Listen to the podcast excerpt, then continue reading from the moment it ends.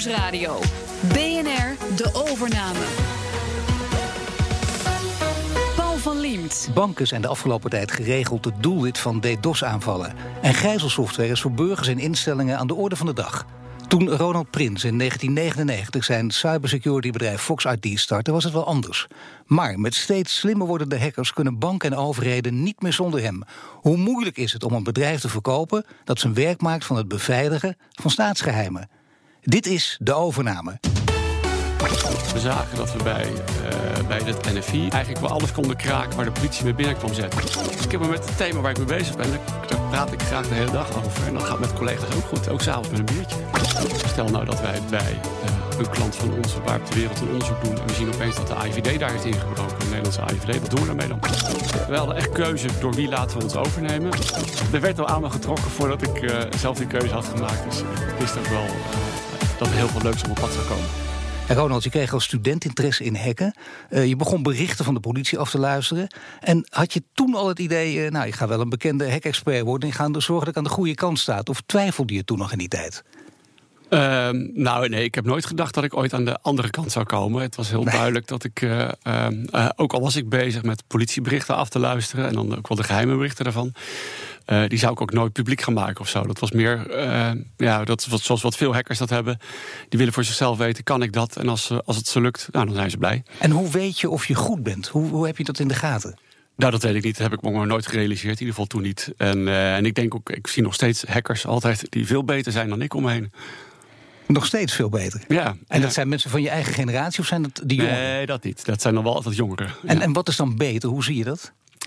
Uh, die zijn nog veel sneller in staat allerlei, uh, om, om bij te blijven met allerlei nieuwe technieken en ook de nieuwste, de nieuwste hackaanvallen.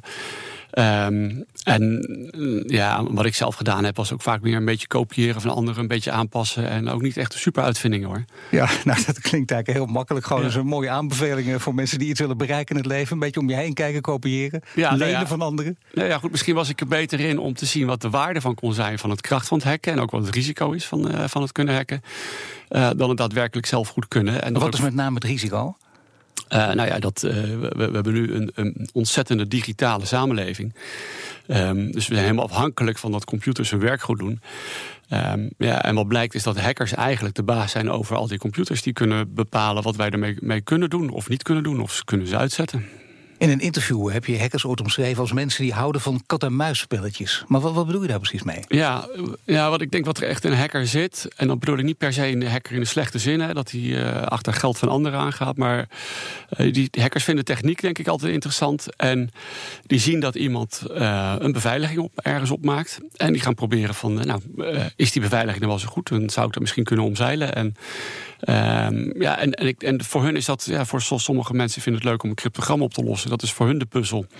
Dan hebben ze de cryptogram gekraakt. En voor hackers is het leuk om te kijken of ze bij een webserver binnen kunnen dringen. En dan... Er zit geen ideologie achter, heeft er zelfs niets mee te maken. Het is echt letterlijk plezier in het spel. Ik denk dat de basis, uh, als je het goed wil kunnen, moet er plezier in het spel zijn. Want het, wat het betekent ook wel, als je ermee bezig bent, als je voor jezelf zo'n projectje gestart bent. Um, ja, de, de echt goeie zijn daar ook gewoon dag en nacht mee bezig. Die liggen dan s'avonds in bed en liggen nog door te malen. En dat herken ik van mezelf ook wel. Dan stap je om drie uur je bed uit, dan heb je een ideetje. En ik, ik ga het nu toch even dit nog proberen. En, nog ja, steeds? En, nee, dat nu even niet meer. Ik heb hele jonge kinderen.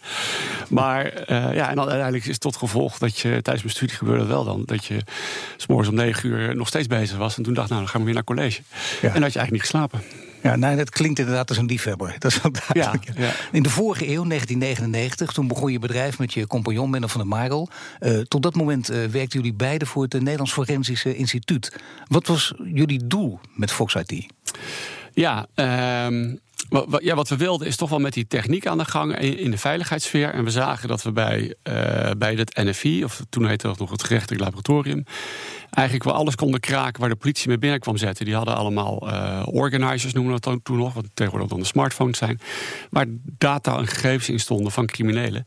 Uh, en laptops, en die waren allemaal beveiligd. En ja, in die tijd was het eigenlijk vrij makkelijk om die open te maken. En maar dat betekent dan ook nog wat voor de andere kant, voor mensen die zichzelf wouden beveiligen. Dat het eigenlijk met wat er standaard voorhanden was, dat je jezelf nooit veilig kon maken. En wij dachten, wij gaan de andere kant helpen. Dus dat is bijvoorbeeld de politie, maar ook ehm, toen al de banken en de olie- en gasbedrijven.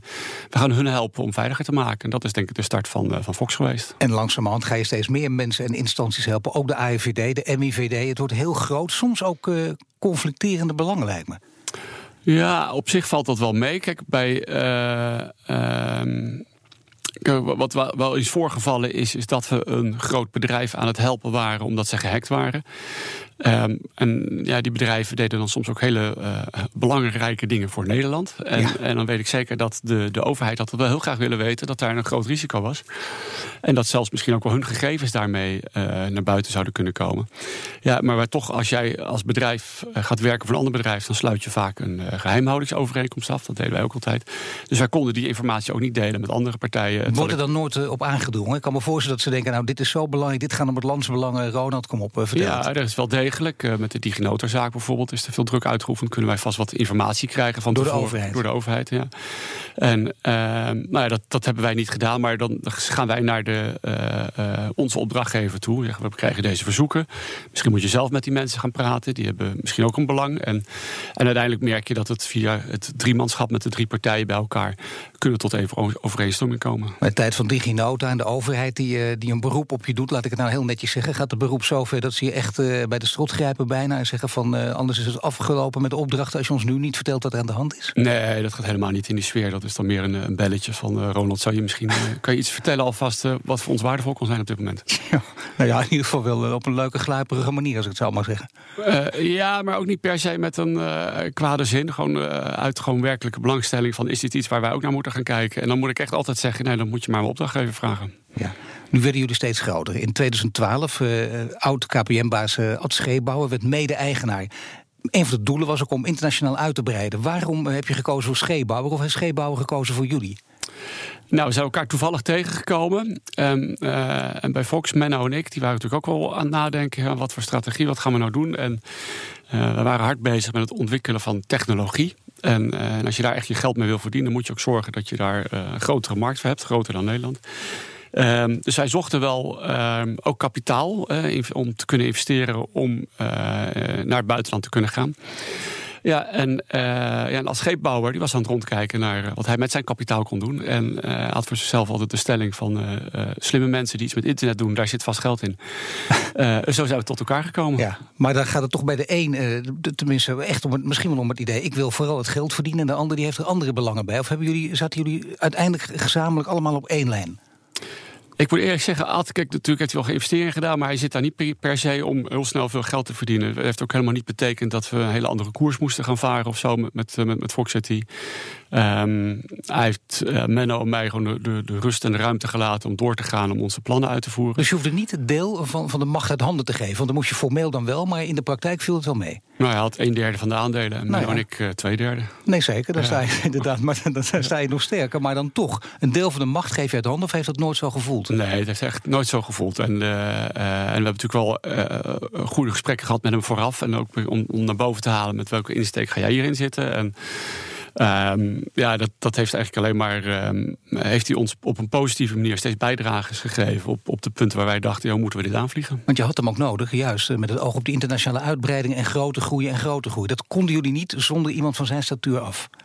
Um, uh, ja, en ik denk dat hij uh, uh, echt ons wel goed heeft geholpen. de, de, de, paar jaar dat hij, dat hij bij Fox betrokken was.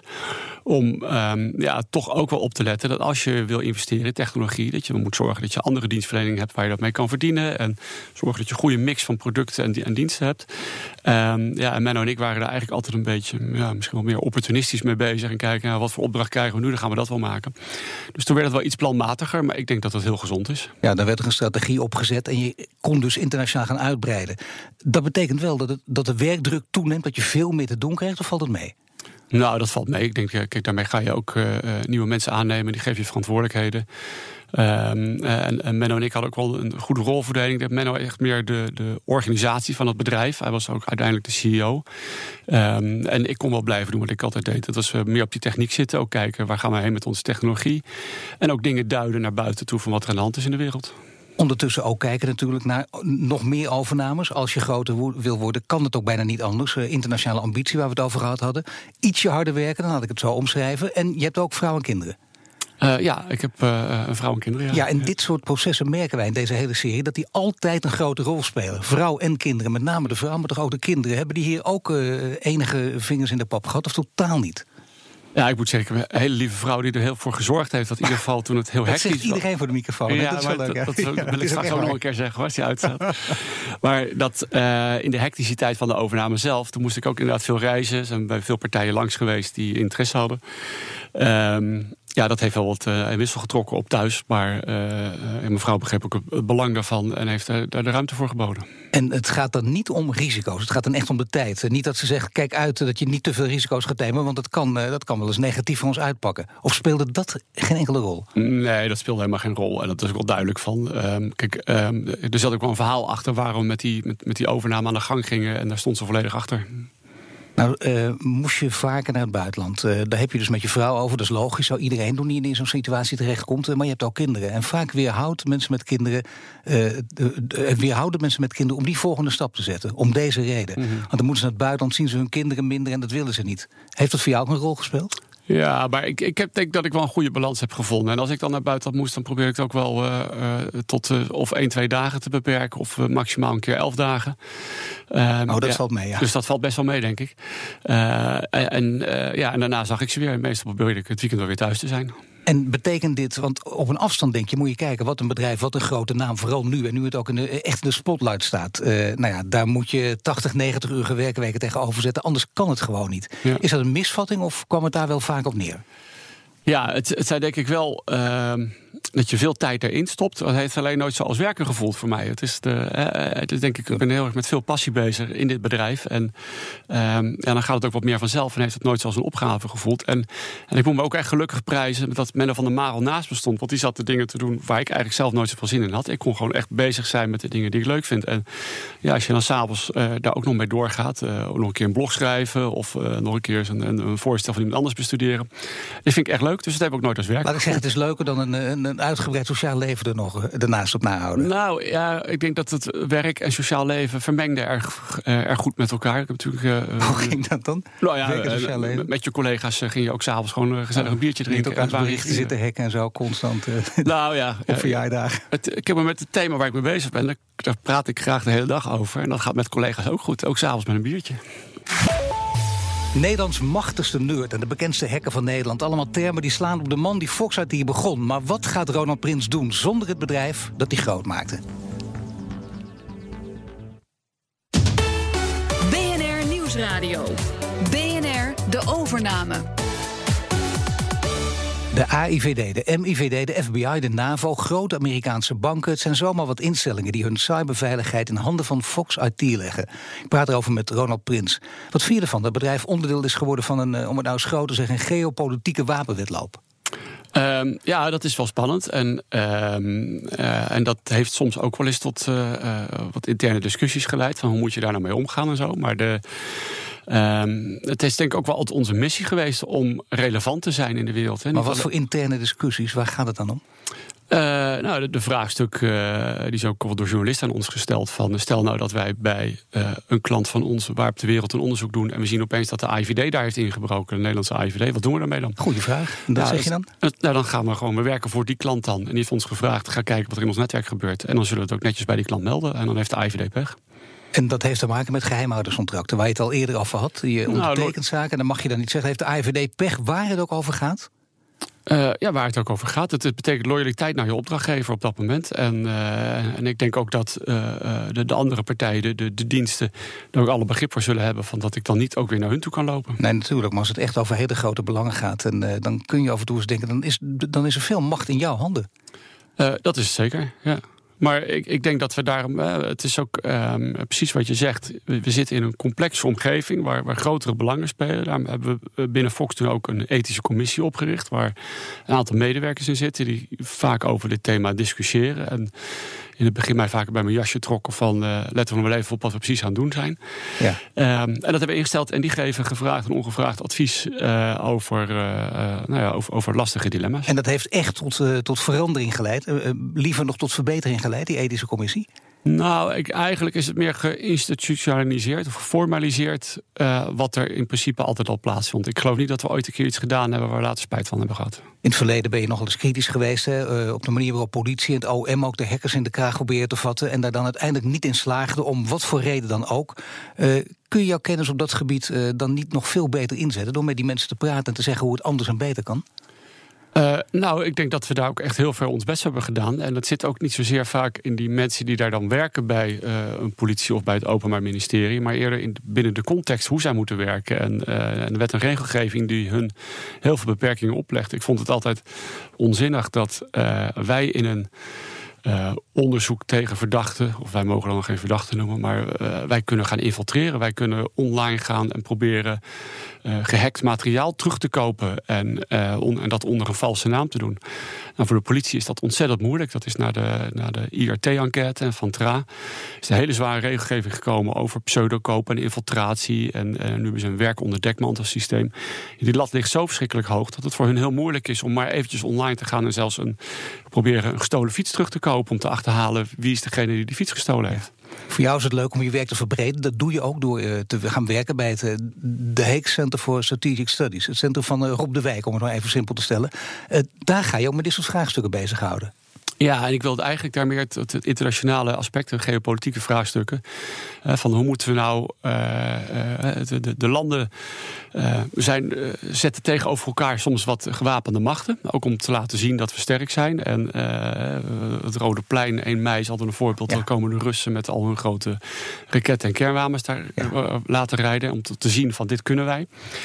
En datzelfde spel gaat ook op cybergebied uh, plaatsvinden. Dat zie je nu al een klein beetje. Um, en, en, ik denk dus dat, het, dat, dat je er ook over na moet denken. Hoe moet je daarmee omgaan? Ook met de proliferatie van cyberwapens. Hè. Er zijn uh, mensen die zijn ontzettend goed. Verspreiding. ja, er zijn mensen ontzettend goed in het maken van virussen die echt het hele internet zouden kunnen uitleggen, uh, uitzetten. Um, ja, moet je dat zomaar aan iedereen kunnen verkopen? Of moet je daar ook een beetje gaan opletten van bij wie in wiens handen kan dat terecht gaan komen? Mooie taak, een belangrijke taak ook. bovendien, dit programma heet de overname moet er op de wijk bang zijn dat je HCSS gaat overnemen? Nee, dat helemaal niet. Ik, eh, ik heb ook helemaal geen behoefte om nog uh, zelf in de inhoud te zitten om, om te ondernemen. Uh, ik wil graag mijn kennis inzetten om met mensen mee te denken. Ja, want in 2015 worden jullie overgenomen door de Britse NCC Group. Hè. Die tellen 133 miljoen euro neer voor het, voor het bedrijf. Zijn er nooit eerder kapers op de kust geweest die, die jullie per se wilden overnemen? Ja, er zijn, regelmatig partijen voorbij gekomen. En dat, dat begint dan vaak met partijen die willen samenwerken eerst. Hè. Die hebben een hele grote afzetmarkt al. En die zien dat wij interessante technologie of interessante uh, kennis hebben. Um, dus maar dat hebben we meestal afgehouden, ook omdat het, uh, ze toch niet helemaal konden appreciëren volgens ons wat wij uh, precies in huis hadden. Dus dat vertaalde zich dan in een niet zo interessant bedrag. Maar op een gegeven moment hadden we wel door. Maar wat zijn niet zo interessante bedragen? Want dan is het toch interessant om te weten: dit is 133 miljoen. Is, is 100 miljoen niet interessant of, of gaat het om veel minder? Nou, maar ja, goed, dat is dan ook weer vijf jaar daarvoor. We hebben ons een bod gehad van rond de 50 miljoen of zo. En ja. toen dachten we, ja, maar we zijn nog lang niet klaar en we moeten, we moeten nog een stuk verder gaan. En op een gegeven moment hebben we ook wel gezien dat er uh, het steeds moeilijker wordt als redelijk kleine partij. Hè, toen waren er misschien nog 200 of 150 man. Om jezelf staande te houden. Als je ziet dat ook daarnaast uh, Dell en IBM en Cisco zijn ook allemaal cybersecurity diensten aan het leveren. En je merkt ook wel de, de, de soort opdrachtgevers die we hadden. Die willen eigenlijk liefst gewoon met één partij zaken doen. Die voor hun totaal ontzorgt in de hele breedte. Um, dus het wordt ook wel moeilijk voor kleine partijtjes om wat te kunnen doen. Dus je ziet ook dat er in de, in de markt, en uh, KPN heeft ook laten zien, die heeft een aantal security partijen uh, in Nederland opgekocht om ja, samen uh, een, een, grote vuist te kunnen slaan tegen alle andere partijen die zich ook op de Nederlandse markt proberen te begeven. Nou, een, ging het over een jaar na de overname. Toen ging je compagnon, die, die bij je was vanaf de eerste dag, die verdween bij het bedrijf. En dat is natuurlijk iemand waar je heel goed en nauw mee samenwerkte. Die ook de klusje deed, wat je al eerder zei, die, die, die jij minder aangenaam vond. Uh, hoe ging dat? Ja, dat was wel moeilijk. En uh, natuurlijk ook wel over gehad van ja, hoe, uh, hoe gaat het na de overname? We mochten alle twee op dag één mochten wij gewoon vertrekken. Dat was ook geen enkel. Uh, er zat geen restrictie in dat we nog moesten blijven of zo. Ehm, maar beide vonden we dat we er toch nog wel even moesten blijven. Om ook te kijken hoe landt het in het, in het moederbedrijf. En te helpen om dat zo goed mogelijk te laten, laten gebeuren. Uh, ja, Menno heeft dat één jaar gedaan en ik heb twee jaar gedaan. En, uh, maar we hebben in de tussentijd een nieuwe managing director aangenomen. Maar werd je in die tussentijd ook niet weggekeken? Want dat zie je natuurlijk wel vaak, komt een nieuwe eigenaar. En ik blijk, die heeft blijkbaar niet echt aan jullie getrokken van blijf alsjeblieft zitten, koos je zelf voor. Dat je toch ziet, dat mogen zij ook, ze gaan een andere koers varen. Ja. Nee, we werden zeker niet weggekeken. En ik denk dat NCC, dat we, hebben in de, we hadden echt keuze door wie laten we ons overnemen. We hebben ook nadrukkelijk die keuze uh, een onderdeel van laten zijn, is uh, hoeveel zelfstandigheid uh, houden we binnen het bedrijf. En ik denk dat als je in het hele palet kijkt van de andere bedrijven die ook onderdeel zijn van die NCC-groep, dat Fox het meest prominent was. Dus we hebben eigenlijk juist heel veel ruimte gekregen om onze visie te delen, ook met het, met, met het moederbedrijf NCC. Um, om daarmee ook een strategie te vormen die, die ze nu aan het uitrollen zijn. Maar ja, op een gegeven moment zonder compagnon uh, Menno, dan in je eentje. Daarna zelf ook ophouden na twee jaar. En dan is dat toch een vrij groot besluit, lijkt mij. Hoe dan ook. Ik bedoel, je geeft iets uit handen waar je, ja, waar je feite je leven lang naartoe hebt gewerkt. Ja, ja, en, dan krijg je het enorme cliché van het zwarte gat. Maar dat speelde bij jou geen moment of toch wel even? Het zwart gat voor wat daarna. Nou ja, ik, ik, heb voor mezelf al nagedacht. Ja, als ik hier niet meer zit, waar zit ik dan? En ik wou wel heel erg betrokken blijven bij, dit, uh, nou, bij wat er gebeurt in de cyberwereld. Misschien wat minder technisch, maar wat meer uh, in de politieke sfeer, in de, in de, in de landenstrategie sfeer. De partijpolitieke sfeer ook? Nee, dat, dat helemaal niet. Dat helemaal nee. niet. Maar uh, wel gewoon wat er in Den Haag gebeurt. En ik heb altijd mijn mond vol van wat er allemaal beter zou kunnen. Dus dat, ja. dat probeer ik nog steeds wel te laten horen. Zou jij ooit een grote regisseur kunnen zijn die alle partijen die hierover gaan bij elkaar trekt en dan ook de regie in handen gaat nemen? Is dat een nieuwe ambitie? Nee, zeker niet. Want ik ben helemaal niet goed in executie uiteindelijk. Ik heb, ik heb heel veel meningen, maar het daarna uitvoeren, dat is wat moeilijker. Daar heb ik altijd mijn kopje Menno voor gehad. Ja. En, uh, en ik vind het nog steeds niet erg om, om mijn adviezen te geven, mijn mening te delen en met mensen te sparren. Maar toch na al die jaren, compagnon Menno weg, dat is nogal belangrijk. Met z'n tweeën, daar heb je ook veel plezier in als je ook samen zo werkt. En dan uiteindelijk zelf ook dit bedrijf kwijt, waar je altijd voor gewerkt hebt. Dan is er niet even één week dat je naar het plafond ligt te? Uh, nee, want vanaf. nee, dat hoeft niet hoor. Er, werd al aan me getrokken voordat ik uh, zelf die keuze had gemaakt. Dus ik, ik wist ook wel uh, dat er heel veel leuks op mijn pad zou komen. Nu heb je natuurlijk wel mensen in je omgeving. Ik had het over je gezin, je vrouw en kinderen. Die denken, ja, wacht even, dat zegt hij wel. En ook al krijgt hij veel leuke dingen op zijn pad. Maar uh, heel veel mensen zijn toch uh, enigszins, hoeveel ze ook doen... en hoeveel ze ook vernieuwen, conservatief ingesteld. En, en doen niet graag afscheid van iets waar ze dol op zijn. Dat heb je natuurlijk wel gedaan. Ja, hebt bij de voetbalclub gespeeld waar je gek op bent... en je gaat toch verkassen. Ja, en, uh, maar ik moet zeggen, ik vind het meest moeilijke... is het niet meer zien van mijn collega's, denk ik. Hè. En dat zijn ook voor een groot gedeelte wel vrienden. En die zullen ik altijd voor een, altijd, voor een aantal altijd nog wel blijven zien. Uh, maar het is ook een soort input voor mij geweest uh, uh, om te kunnen nadenken en een visie te ontwikkelen over hoe we met die cyberwereld moeten omgaan. Is voor jou eerzucht belangrijk? En dat vraag ik ook met name omdat je natuurlijk, overigens zonder de bedragen, ik geloof 40 miljoen, dat je bij een, een, een vermogend man bent en die kan allerlei, allerlei andere kanten opgaan. Die kan ook besluiten om gewoon lekker niks te gaan doen en naar de zon te kijken. Maar dat zit op een of andere manier niet in je. Ben je zo eerzuchtig? Uh, nou, ik weet niet of het nou, of het nou eerzuchtig is. Nee, ik wil gewoon. Uh, ik, ben, uh, ik ben 48, ik heb nog heel leven voor me. En ik heb één maand naar de zon gekeken. Ik ben een maand op vakantie geweest in Zuid-Afrika. Ja, toen maar. En, en, toen vond ik het wel weer genoeg. En, en, ik ben heel blij dat ik hier nu wat kan doen. Ja, nou ja, wat kan doen, dat betekent dat je gewoon. Het zit ook in je blijkbaar om dan stevige werkweken te maken. Het zijn, of heb je nu werkweken van, van 20, 25 uur? Nou, ik moet zeggen, februari is dan redelijk rustig. Maar ik denk dat het daarna wel weer hard gaat, ja. De gast van vorige week die heeft een vraag voor je. En je hoort Felix Goodman van de Kennel Company. Wat vond hij de essentiële dingen, de essentiële waarborgen die hij moest vragen aan de koper? Uh, waren dat dingen over de bedrijfscultuur, hoe die die wou borgen? Of over de medewerkers? Of hoe je met geheimen omgaat? Uh, hij, uh, zit natuurlijk op een heel cruciaal punt in de Nederlandse maatschappij. Ja, um, rondom die geheimen, daar is natuurlijk ook wel veel te doen geweest. Um, uiteindelijk hoefde ik daar niet heel veel voor uh, waarborgen voor in de, in, de, in de contracten te laten zetten. Want er is gewoon een wet op de staatsgeheimen en dat is de belangrijkste waarborg die er is. En die zorgt ervoor dat uh, de geheimen die bij ons lagen, uh, dat die beschermd zijn. Dat de mensen die daar naar mogen kijken, dat die altijd gescreend werden door de AIVD. En dat, er, dat het ook in ruimtes ligt waar alleen maar bepaalde mensen naar binnen mogen. Dus uh, de, de, de Engelse partij die ons gekocht heeft, heeft ook helemaal geen toegang gekregen of kunnen krijgen tot die informatie. Nou, dat klinkt vooralsnog, zeg ik erbij, geruststellend. Dan mag jij nog een nieuwe vraag stellen aan de gast van volgende week. Dat is Milko Stijvers, dat is de oud-directeur en eigenaar van Circus Herman Rens. Dat failliet ging, maar daarna een doorstart kon maken. Ja, ik ben altijd uh, um, wel een fan geweest van, van circussen, maar dan niet zozeer van de, de dierenacts. Dat vind ik altijd heel vervelend. Uh, ik ben altijd toch altijd bang. Ik vind het eigenlijk sowieso vervelend dat mensen proberen geld te verdienen aan dieren. Uh, dus ik vraag me vooral af: is het mogelijk om een, rendabel circus te runnen zonder dat daar acts met dieren in voorkomen?